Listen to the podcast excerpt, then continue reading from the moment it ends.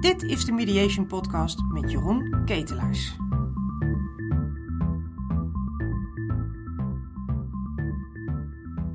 Welkom bij de Mediation Podcast. Mijn naam is Jeroen Ketelaars en als officieel familierecht geaccrediteerd mediator vertel ik je in deze podcast van alles over het ouderschapsplan, wat het is en wat jij daar straks aan hebt als je een goed plan maakt en wat je er vooral niet aan hebt als je daar geen aandacht aan besteedt. En helaas zeg ik het zoals ik het zeg, omdat ik helaas in de praktijk regelmatig meemaak dat ik met mensen praat die achteraf de scheiding met mij opnieuw een ouderschapsplan willen maken, omdat de praktijk laat zien dat omdat ze er vooraf onvoldoende tijd in gestoken hadden, er uh, gewoon een plan is ontstaan wat niet werkt en waar ze voortdurend ruzie over hebben. Nou, het feit dat jij deze podcast beluistert, betekent dat je in ieder geval je wel aan het voorbereiden bent. En dat is alleen maar mooi. En ik ga je van alles vertellen over dat ouderschapsplan. Wat erin moet staan. En wat handig is als je erin zet, zodat je een succesvolle kans krijgt op goed collega-ouderschap. In plaats van dat je als ex-partners bijvoorbeeld met elkaar blijft stoeien over allerlei onderwerpen en iedere keer ruzie hebt. En dat is helemaal niet in het belang van je kinderen. Want als collega-ouder hebben je allebei voor ogen dat die kinderen mooi opgroeien in harmonie en een prettige jeugd tegemoet gaan. Um, wat belangrijk is, in ieder geval, dat je beseft dat een ouderschapsplan echt een serieus document is. Het gaat namelijk, als je nog gaat scheiden, bij de stukken gevoegd worden die naar de rechtbank gaan. En dan wordt er in die stukken gekeken of de zorg van die kinderen gaat lukken.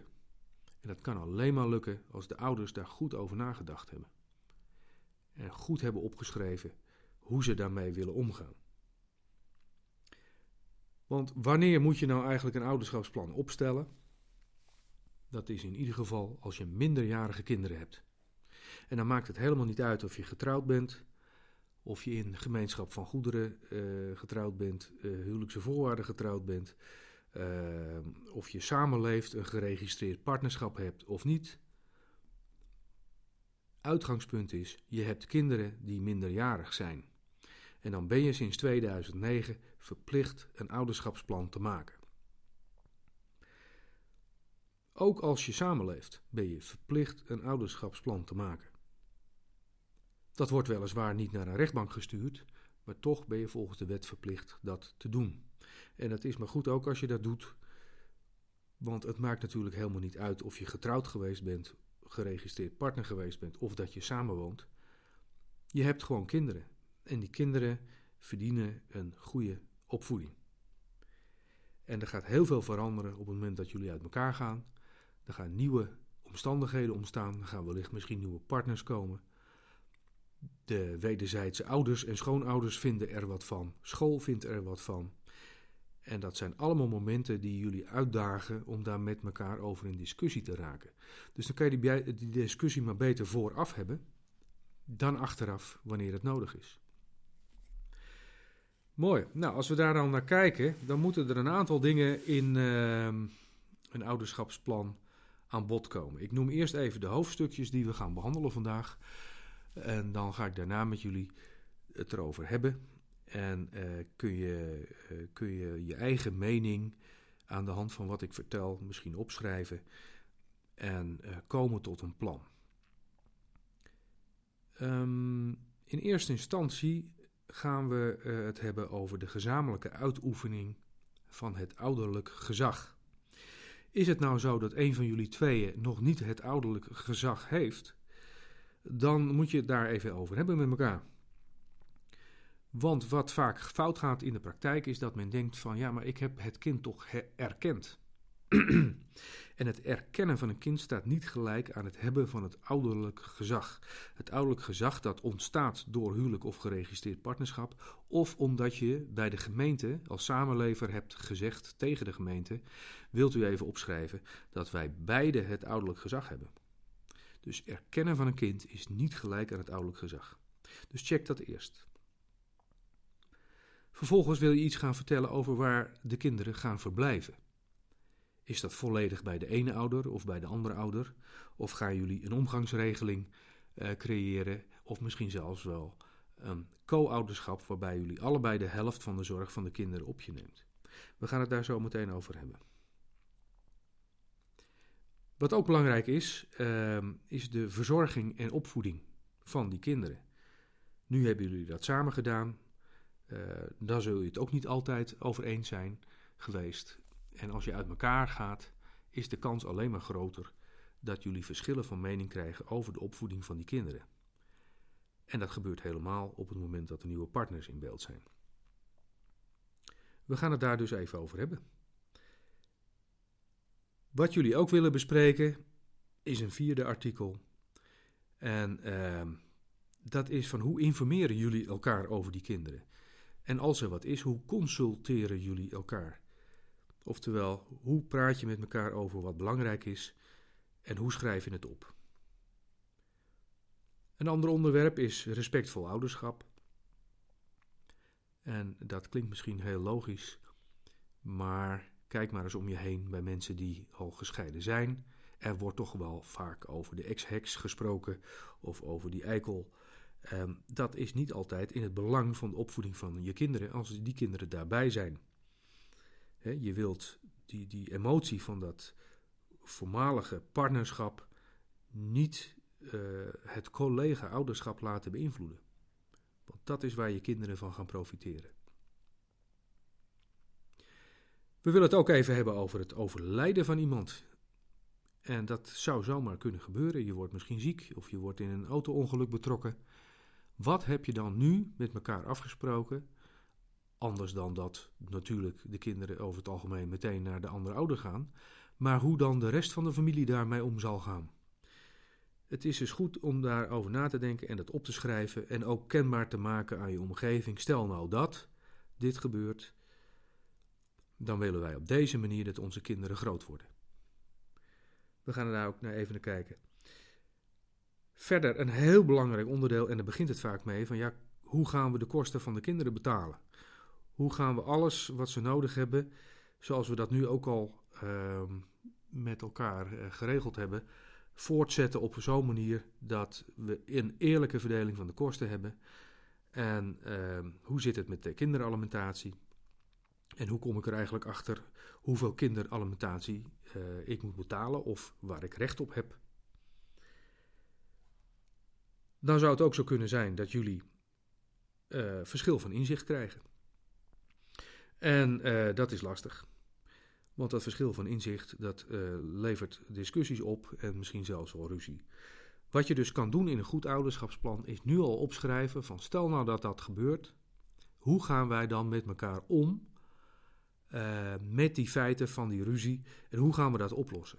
Gaan we dat in een restaurant doen? Gaan we dat met een vertrouwenspersoon erbij doen? Gaan we dat wellicht met hulp van de mediator opnieuw doen? Net zolang totdat het probleem opgelost is en we het opnieuw opschrijven van hoe we er nou wel mee om zullen gaan. dat betekent dus ook dat je in een goed ouderschapsplan de mogelijkheid moet inbouwen om wijzigingen te kunnen aanbrengen. Ik heb ook wel uh, ouderschapsplannen gehad en dat waren zulke juridische documenten dat er echt werkelijk geen enkele rek meer in zat om iets anders te doen dan wat daar staat. En dat gaf zulke stress en ellende dat we uh, soms wel eens nieuwe ouderschapsplannen gemaakt hebben die gewoon opnieuw naar de rechter moesten om die oude door te laten halen. Nou, dat wil je gewoon niet. Je wil in een ouderschapsplan de mogelijkheid inbouwen dat als jullie er allebei van overtuigd zijn dat het goed is om iets aan te passen, dat je dat ook kunt aanpassen en dat je afspreekt en opschrijft hoe je dat gaat doen. Nou, als we beginnen met het schrijven van een ouderschapsplan, dan schrijf je daar natuurlijk in eerste instantie op wie dat ouderschapsplan opstelt. Oftewel jouw gegevens en die van je partner en uh, die van de kinderen op een wijze zoals die ook op de officiële documenten staan. Dus een rijbewijs of een ID-kaart, een IBAN-nummer erbij. En zodat degene die dit plan moet beoordelen bij de rechtbank ook snapt over wie het gaat. En uh, dat lijkt logischer, uh, zoals ik het zeg, maar in de praktijk zie je nog wel eens dat daar gewoon echt onzorgvuldig mee omgegaan wordt. Voorkom dat je zo'n plan weer teruggestuurd krijgt, omdat je daar gewoon even de aandacht aan geeft. Wat ook van groot belang is, is dat er in dat plan staat dat jullie dat hebben opgeschreven, omdat namelijk de situatie is ontstaan dat het huwelijk van de ouders duurzaam is ontwricht. En op grond waarvan jullie hebben besloten een gemeenschappelijk verzoek in te dienen eh, tot ontbinding van het huwelijk bij de rechtbank. En dat jullie hebben overlegd over hoe jullie de kinderen gaan opvoeden. En dat jullie de resultaten eh, van dat overleg wensen vast te leggen in dit ouderschapsplan. En dat dat ouderschapsplan als onderdeel gezien mag worden van het echtscheidingsconvenant, of ook wel vaststellingsovereenkomst genoemd. Nou, als je dat gedaan hebt, dan is het van belang dat je gaat aangeven over wat voor vorm uh, jullie kiezen om uh, de kinderen op te voeden. Tegenwoordig is het erg in zwang om co-ouderschap te willen. En uh, men denkt dan 50-50. Um, ehm, dat is niet helemaal zo. De Belastingdienst heeft daar een, iets over opgeschreven. En um, die zeggen namelijk dat de kinderen tenminste drie dagen bij een ouder verblijven. Oftewel, er blijft nog één dag over die dan bij de ene ouder meer of bij de andere ouder uh, uh, kan uh, plaatsvinden of wisselt. Maar in ieder geval, dat is wat het is. Dat hoeft niet precies 50-50 te zijn. alles wat daarvan afwijkt, is een omgangsregeling. Dat kan bijvoorbeeld zijn dat een kind twee dagen bij één ouder is, of alleen het weekend, of om het weekend, of eens in de maand. In die gevallen spreken wij over een omgangsregeling in plaats van co-ouderschap. Daar zitten ook andere regeltjes aan, dus let daar goed op. En dat moet je opschrijven in het ouderschapsplan, uh, dat je op die manier dat, uh, uh, dat wenst te doen met elkaar. Um, wat je ook wil opschrijven is hoe jullie met elkaar communiceren en dat het op een respectvolle wijze zal gebeuren. Um, dat je uh, daar waar er problemen zijn, uh, mogelijkheden zoekt, uh, al dan niet met steun van anderen, om elkaar als ouder te zien met dezelfde rechten over de kinderen ehm, dan dat jij die hebt. He, want op het moment dat je dit indient bij een rechtbank, dan is er nog maar één ding interessant. En dat is, hoe is het geregeld voor de kinderen? En uh, dan helpt het als je natuurlijk zegt van nou stel nou dat het praten niet lukt, dan gaan we dat op die en die manier uh, met elkaar doen. Dus schrijf daar iets over op. Wat je vooral ook moet noemen, uh, benoemen in je, je ouderschapsplan is de verblijfplaats van de kinderen. Dus waar staan ze ingeschreven in de gemeente? Uh, en wie uh, heeft het beheer over de paspoorten of ID-kaarten van de minderjarige kinderen? Je kunt uh, ook een kind bij de ene ouder en het kind bij de andere ouder inschrijven. Dat recht heb je. Zit daar voordeel aan? Nou, helemaal niet. Vroeger was dat misschien een situatie dat het belastingtechnisch handig was. En je zult misschien dit soort adviezen ook uit je omgeving krijgen. En, en besef dan even dat de omgeving heel goedwillend is, maar niet altijd 100% eh, in de gaten heeft of dit nou slim is. Symbolisch vraag ik me ook af of dat uh, goed is voor je kinderen. Om één kind bij de ene ouder en een kind bij de andere ouder in te schrijven. Je geeft daar toch een beetje mee aan dat papa meer van het ene uh, kind houdt en mama meer van het andere kind. En dat zou wel eens verkeerd opgevat kunnen worden. Terwijl als je ze gewoon samen inschrijft op één adres, het ook duidelijk is voor die kinderen van wij worden niet uit elkaar getrokken. Denk ook over dat soort symbolische dingen na als je een ouderschapsplan uh, schrijft. Ik merk dat er in de praktijk daar veel te weinig uh, over nagedacht wordt. En dat het te juridisch wordt en, en, en, en, alle gevoel uit zo'n document uh, gehaald wordt. Daar waar jullie nou juist in een ouderschapsplan willen laten zien hoe goed je als collega-ouder voor je kinderen gaat zorgen. Dat brengt mij op het volgende punt en dat is de verzorging en opvoeding van de kinderen. Wat jullie zullen gaan merken is dat als je uit elkaar gaat, je er allebei een eigen stijl in zult ontwikkelen, daar waar je dat eerst gezamenlijk probeerde te doen. En die nieuwe stijl van opvoeden zou zelfs ook zomaar beïnvloed kunnen worden door al dan niet een nieuwe partner in de toekomst. Het is dus groot, van groot belang dat de ouders van de kinderen, jullie, uh, het eens zijn over een aantal aspecten van die opvoeding. in een uh, andere podcast, uh, die je op de website van Basic Mediation kunt vinden, uh, met hashtag 1, maakte ik een grapje richting Karin van, ja, wat nu als je dochter een tepelpiercing wil op de 14e? En toen schoot ze toch wel even in de stress van, ja, dat gaat dan niet worden. Maar wat vindt jouw partner daarvan? Misschien vindt hij dat prima. Dus ga ook dat soort dingen van tevoren bespreken, hoe je met verzorging en opvoeding wilt opgaan. Want het blijkt in de praktijk dat daar de grote misverstanden ontstaan als je het er niet goed over gehad hebt. Je wil bijvoorbeeld in die uh, opvoeding uh, duidelijkheid hebben over het vervoer van de kinderen. Gaan ze zelf op de fiets heen en weer? Worden ze gebracht? Worden ze gehaald?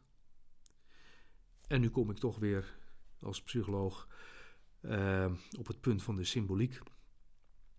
En is het misschien heel mooi dat de ouder waar de kinderen verblijven, als dat mogelijk is, de kinderen brengt. Je geeft daar ook mee een gebaar af aan de collega-ouder van ik gun jou ook onze kinderen.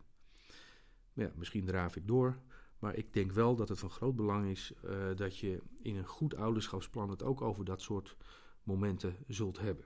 En dat dan vervolgens opschrijft.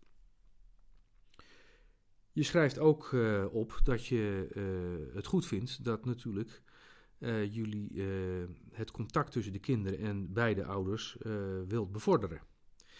En dat je bijvoorbeeld contact met de andere ouder prima vindt, maar niet dat het uit de hand loopt, omdat de kinderen bijvoorbeeld eerst de andere ouder steeds gaan zitten appen of het wel mag, want papa zegt dit of mama zegt dat en wat vind jij daarvan? als de kinderen bij jou zijn, dan vallen ze onder jou verantwoordelijkheid en gelden de huisregels bij jou thuis. Maar spreek wel even af op welke momenten de andere ouder gewoon even geconsulteerd kan worden.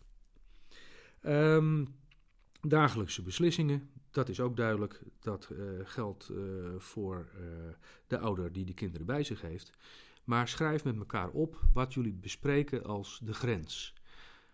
Wanneer is een dagelijks besluit niet meer een dagelijks besluit? En wanneer wil je elkaar daarover consulteren en informeren? Wat zijn belangrijke momenten in het leven van een kind? Ik noem maar een meisje wat voor het eerst ongesteld wordt, of een jongen die voor het eerst verliefd is. Het zijn belangrijke dingen of er gebeurt iets op school. Wanneer gaan jullie elkaar informeren? Wat ook aan te bevelen is, is dat je in een ouderschapsplan ook opneemt dat de kinderen bij jullie beiden apart verzekerd zullen zijn voor de wettelijke aansprakelijkheid. Zo krijg je nooit ruzie achteraf met van ja, jouw kind heeft dit gedaan in mijn huis, maar is het gewoon onze kinderen zijn verzekerd en het maakt niet uit als er ergens een risico gelopen wordt, want we hebben het goed geregeld in de verzekering. En als we dan toch over verzekeringen hebben, schrijf dan ook meteen even op onder welke uh, ziekenkostenverzekering de kinderen vallen, wie daarvoor zorg draagt, wie met de kinderen naar de tandarts gaat, als ze naar de fysiotherapeut moeten, ik noem het maar. Maar het zal niet de eerste keer zijn dat daar onmin over ontstaat, omdat het van tevoren gewoon niet besproken is en niet goed is opgeschreven. Nou, we hadden het al even over die uh, informatie en uh, consultatie. Uh, wanneer doe je dat? Je kunt bijvoorbeeld afspreken dat ieder moment dat de kinderen van huis wisselen of dat er dan iets in een schrift of in een, in, een WhatsApp over de, de kleine dingetjes uh, even elkaar geïnformeerd wordt. bijvoorbeeld er is iets op school gebeurd of er is iets, kind is gevallen, heeft een schaafwond. Maar plan met elkaar bijvoorbeeld een kwartaaloverleg in. Zodat je één keer per kwartaal, drie maanden, eens even goed gaat zitten met elkaar. Met een, uh, misschien een actielijstje waarvoor je zelf zegt: Nou, ik vind het belangrijk om dat met mijn collega-ouder te bespreken, eh, omdat het namelijk in het belang is van onze kinderen. Bijvoorbeeld ook uh, onderwerpen als schoolkeuze of informatie uh, die de school betreft. Je zou bijvoorbeeld de school ook kunnen vragen om naar jullie beide e-mailadressen iets te mailen als er iets te mailen valt. ouderavonden gaan jullie om de beurt, doen jullie dat nog samen? Vind je het goed als er een nieuwe partner meegaat naar school? Bespreek dit van tevoren. Ik kan het niet vaak genoeg blijven benadrukken. Medische aangelegenheden. De kleine dagelijkse dingetjes. Uh, kind is ziek, moet even naar de dokter. Nou, dan is het logisch dat het kind met de ouder waar het verblijft misschien even naar de dokter gaat. Of dat jullie even bellen van nou, ik moet naar mijn werk, maar het kind is ziek, kun jij het doen? Logisch, maar als het uh, medicijngebruik aangaat, uh, operaties, schrijf dan nu alvast op hoe jullie daar met elkaar om, mee om willen gaan. Ik kan het niet vaak genoeg zeggen, maar schrijf ook iets op over het respectvol ouderschap. Uh, je komt uit een situatie van een scheiding. Uh, als dat allemaal uh, fantastisch was, dan was je niet gescheiden. Dus het kan zo zijn dat jullie regelmatig toch hebben lopen knokken over onderwerpen. Maar dat dient niet de kinderen. Dat knokken is tussen jullie en dat knokken is niet met de kinderen. Dus zorg erbij dat als er iets is, je dat niet bespreekt in bijzijn van de kinderen. En schrijf dat ook op in het ouderschapsplan dat je dat zo zal doen. Schrijf er ook in op uh, over welke mate bijvoorbeeld schoonouders zich mogen mengen in de opvoeding van die kinderen. Uh, het, is maar iets waarover heel snel weer uh, gedoe kan ontstaan als je er niet iets over opschrijft schrijf ook met elkaar op dat je kinderuitspraken met elkaar eerst checkt. Neem niet meteen voor 100% zekerheid aan dat wat jouw kind zegt waar is. De praktijk laat namelijk zien dat het regelmatig anders is dan dat jij denkt dat het was. Um, en zeker als die kinderen wat uh, beginnen te groeien en te puberen, zullen ze jullie gaan proberen uit te spelen dat hoort er ook bij bij de puberteit. En zeker als er een nieuwe partner is, dan zal die nieuwe partner getest worden en zal tegen de andere ouder verteld worden over die nieuwe partner dat dat zo'n vreselijk mens is. Uh, op momenten dat het dat kind niet uitkomt, omdat die bijvoorbeeld gecorrigeerd is door die nieuwe partner. Bel dus eerst met je collega ouder en overleg met elkaar wat er nou daadwerkelijk is gebeurd. Waar je ook iets over wilt opschrijven in een uh, goed ouderschapsplan, is wat er gebeurt als een van jullie tweeën overlijdt. Misschien denk je nu ineens, ja, dat is toch logisch, dan gaan de kinderen naar de andere ouder. Maar kan dat dan ook zomaar meteen? Of moet er ontzettend veel veranderd worden uh, qua woonplaatsen, uh, scholen? en wat vinden de, de schoonouders ervan? Die hebben ook een verdriet, die willen ook iets met die kinderen. Bedenk het van tevoren, stel nou dat een van ons tweeën overlijdt. Hoe gaan wij daar dan mee om? Of hoe willen wij dat onze nabestaanden er dan mee om zullen gaan? Het kan ontzettend veel uh, gedoe uh, voorkomen. En uh, het is goed dat die kinderen de wederzijdse families blijven zien. Dat is goed voor hun ontwikkeling. Ehm, dit soort eh, momenten zet dat op scherp. En dan gaat iedereen er ineens wat van vinden. Als jij weet en jullie weten hoe je daarmee om wilt gaan, schrijf dat dan gewoon op. Dan is het duidelijk en kun je er ook op terugvallen. Nou, het grote punt in een ouderschapsplan is natuurlijk de kosten van het levensonderhoud en de kinderalimentatie.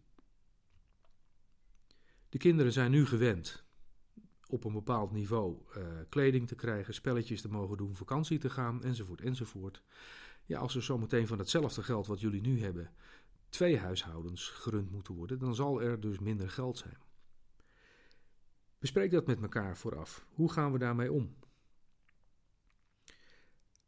De wet schrijft in ieder geval voor dat er dus kinderalimentatie betaald moet gaan worden. Dat is om te verzekeren dat er ook de ene ouder bijdraagt, uh, tenminste beide ouders bijdragen, maar de kinderen zullen over het algemeen uh, bij uh, een ouder verblijven. En dan draagt die andere ouder dus bij in de kosten van de opvoeding van die kinderen. Dat is niet zomaar een bedragje wat je ergens in een tabelletje kan vinden. En als je nu op internet gaat kijken, dan lijkt het soms uh, dat je zomaar kunt bepalen hoe hoog die kinderalimentatie wordt. En dat is niet zo. Het systeem van kinderalimentatie zit namelijk zo in elkaar dat er in eerste instantie gekeken wordt naar de draagkracht van de ouders. als jij zometeen een huis hebt, verzekeringen hebt en dergelijke en dergelijke, dan hou je een beetje geld over. En van dat geld moet je zelf leven en je kinderen onderhouden. En het kan dus niet zo zijn dat al het geld naar de kinderen gaat en jij zelf niets meer hebt. En eh, dan kom je zelf in armoede. En dat, dat was vroeger het geval. Het nieuwe alimentatiestelsel gaat uit van een draagkrachtberekening. En ehm, die wordt beïnvloed door allerlei fiscale aspecten. Dus als jij een gratis ehm, programmaatje op internet vindt, dan kan die nooit inzicht hebben in jouw totale fiscale omstandigheden. Dat is ook de reden waarom we bij Basic Mediation samenwerken met de mensen van Basic Finance. Op het moment dat wij in een mediation zitten en de cijfers komen aan bod. Dan gaat de mediator dat niet in zijn eentje zitten doen. Die is namelijk niet opgeleid als fiscalist. Die weet er wel een hoop van af. Maar de puntjes op de i worden gezet door juist die samenwerking aan te gaan met die mensen van Basic Finance. En dan wordt er een eerlijke en oprechte kinderalimentatieberekening gemaakt. En weten jullie allebei waar je aan toe bent. En dat er overal rekening gehouden is als het uh, de fiscale omstandigheden betreft. Investeer daarin. Dat hoeft echt niet zoveel geld te kosten. Maar beter dit dan dat je achteraf dat moet gaan herstellen. Want als dit namelijk eenmaal in het ouderschapsplan is benoemd en naar de rechter is gegaan, dan zit daar een executoriale titel op. En dat is een heel belangrijk eh, moment, want dan kun je dat niet zomaar meer veranderen.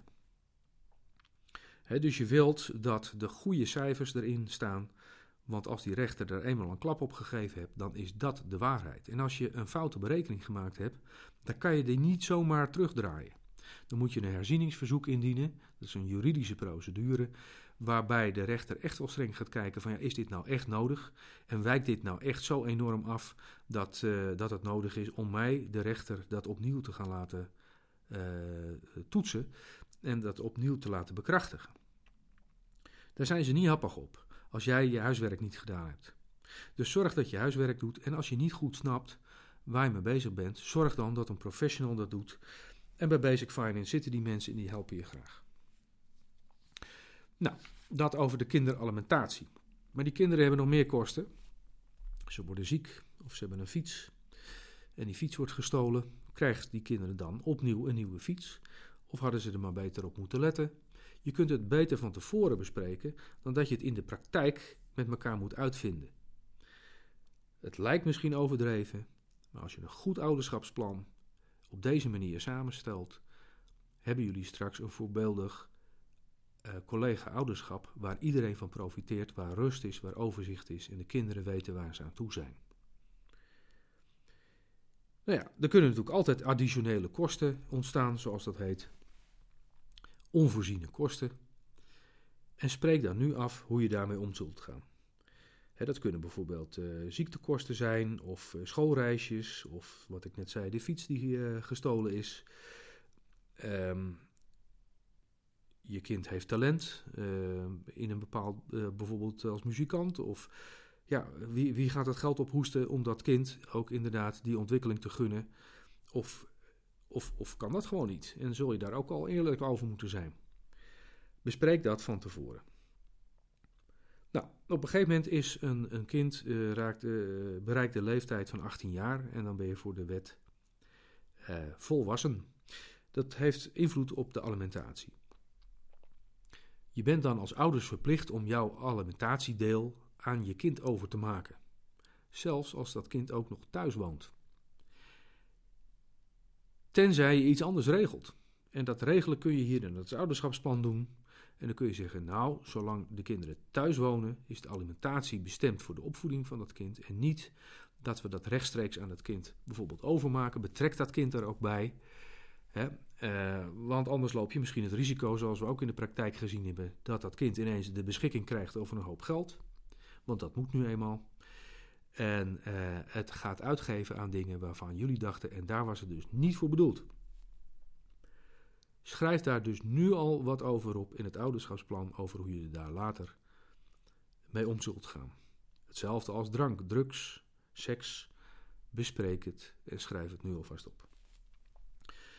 Nou, Wellicht uh, is je kind in staat om te gaan studeren en wil je dat ook graag en zal dat dus veel geld kosten. Willen jullie nu al wat uh, geld uh, opzij zetten, dan, dan is dat prachtig als je dat kan. Wat we dan vaak zien in de praktijk is dat dan, dan een rekening geopend wordt op naam van het kind. En dan komt nu de waarschuwing weer om de hoek kijken. Dat is prachtig, maar als het kind 18 is, heeft het het recht om die rekening leeg te halen en kan al dat gespaarde geld zomaar ineens in een auto gestopt worden. En dachten jullie van daar was het niet voor bedoeld. Er zijn dus betere oplossingen. De mensen van Basic Finance helpen je daarbij als je dat wilt. Of zoek anders iemand anders die je op een goede manier erover kunt adviseren. Nou, je ziet het, een ouderschapsplan maken is niet zomaar wat. Mocht het zo zijn dat er dus dingen misgaan, dat jullie eh, verschillen van inzicht krijgen, schrijf dan nu al op in het ouderschapsplan hoe je daarmee om zult gaan. Dat je bijvoorbeeld uh, daar uh, uh, per kwartaal elkaar over consulteert. Dat je elk jaar het ouderschapsplan evalueert en eventueel bijstelt. En als je die wijzigingen wilt aanbrengen over de wijze waarop je dat zult doen, gaat dat via de mediator, doe je dat zelf in een e-mail, is dat wat je dan opschrijft ook niet anders uitlegbaar dan wat je bedoelt. Um, kortom, een ouderschapsplan is niet zomaar wat. Maar als je een goed ouderschapsplan maakt met elkaar, dan garanderen wij je in ieder geval dat je er ontzettend veel plezier van gaat hebben als je daar nu de tijd in steekt. En niet denkt van, oh ja, we moeten nog een ouderschapsplan maken. Nou, ik hoop dat je iets gehad hebt aan deze podcast. Uh, ik vond het in ieder geval ontzettend leuk om iets van de kennis te delen. En uh, te voorkomen dat, uh, dat er fouten ontstaan. En ik feliciteer in ieder geval dat jij wel de moeite genomen hebt om deze podcast te beluisteren en daar je voordeel mee zult doen. Wil je meer informatie hebben? dan kan dat. Kijk dan even op de website van uh, basicmediation.nl. En mocht het er niet staan, kun je altijd bellen. Telefoonnummer staat ook op de site. Ik vond het leuk om deze podcast te doen. Ik wens je een hele mooie toekomst toe. Dit was de Mediation Podcast van deze week. Wil je meer informatie over dit onderwerp? Kijk dan op basic-mediation.nl. Tussen de tijd dat deze podcast is opgenomen en je hebt geluisterd, kan een langere periode zitten. Check dus altijd de juiste of meest actuele wetgeving voordat je bepaalde besluiten of stappen onderneemt. Tot de volgende Mediation Podcast.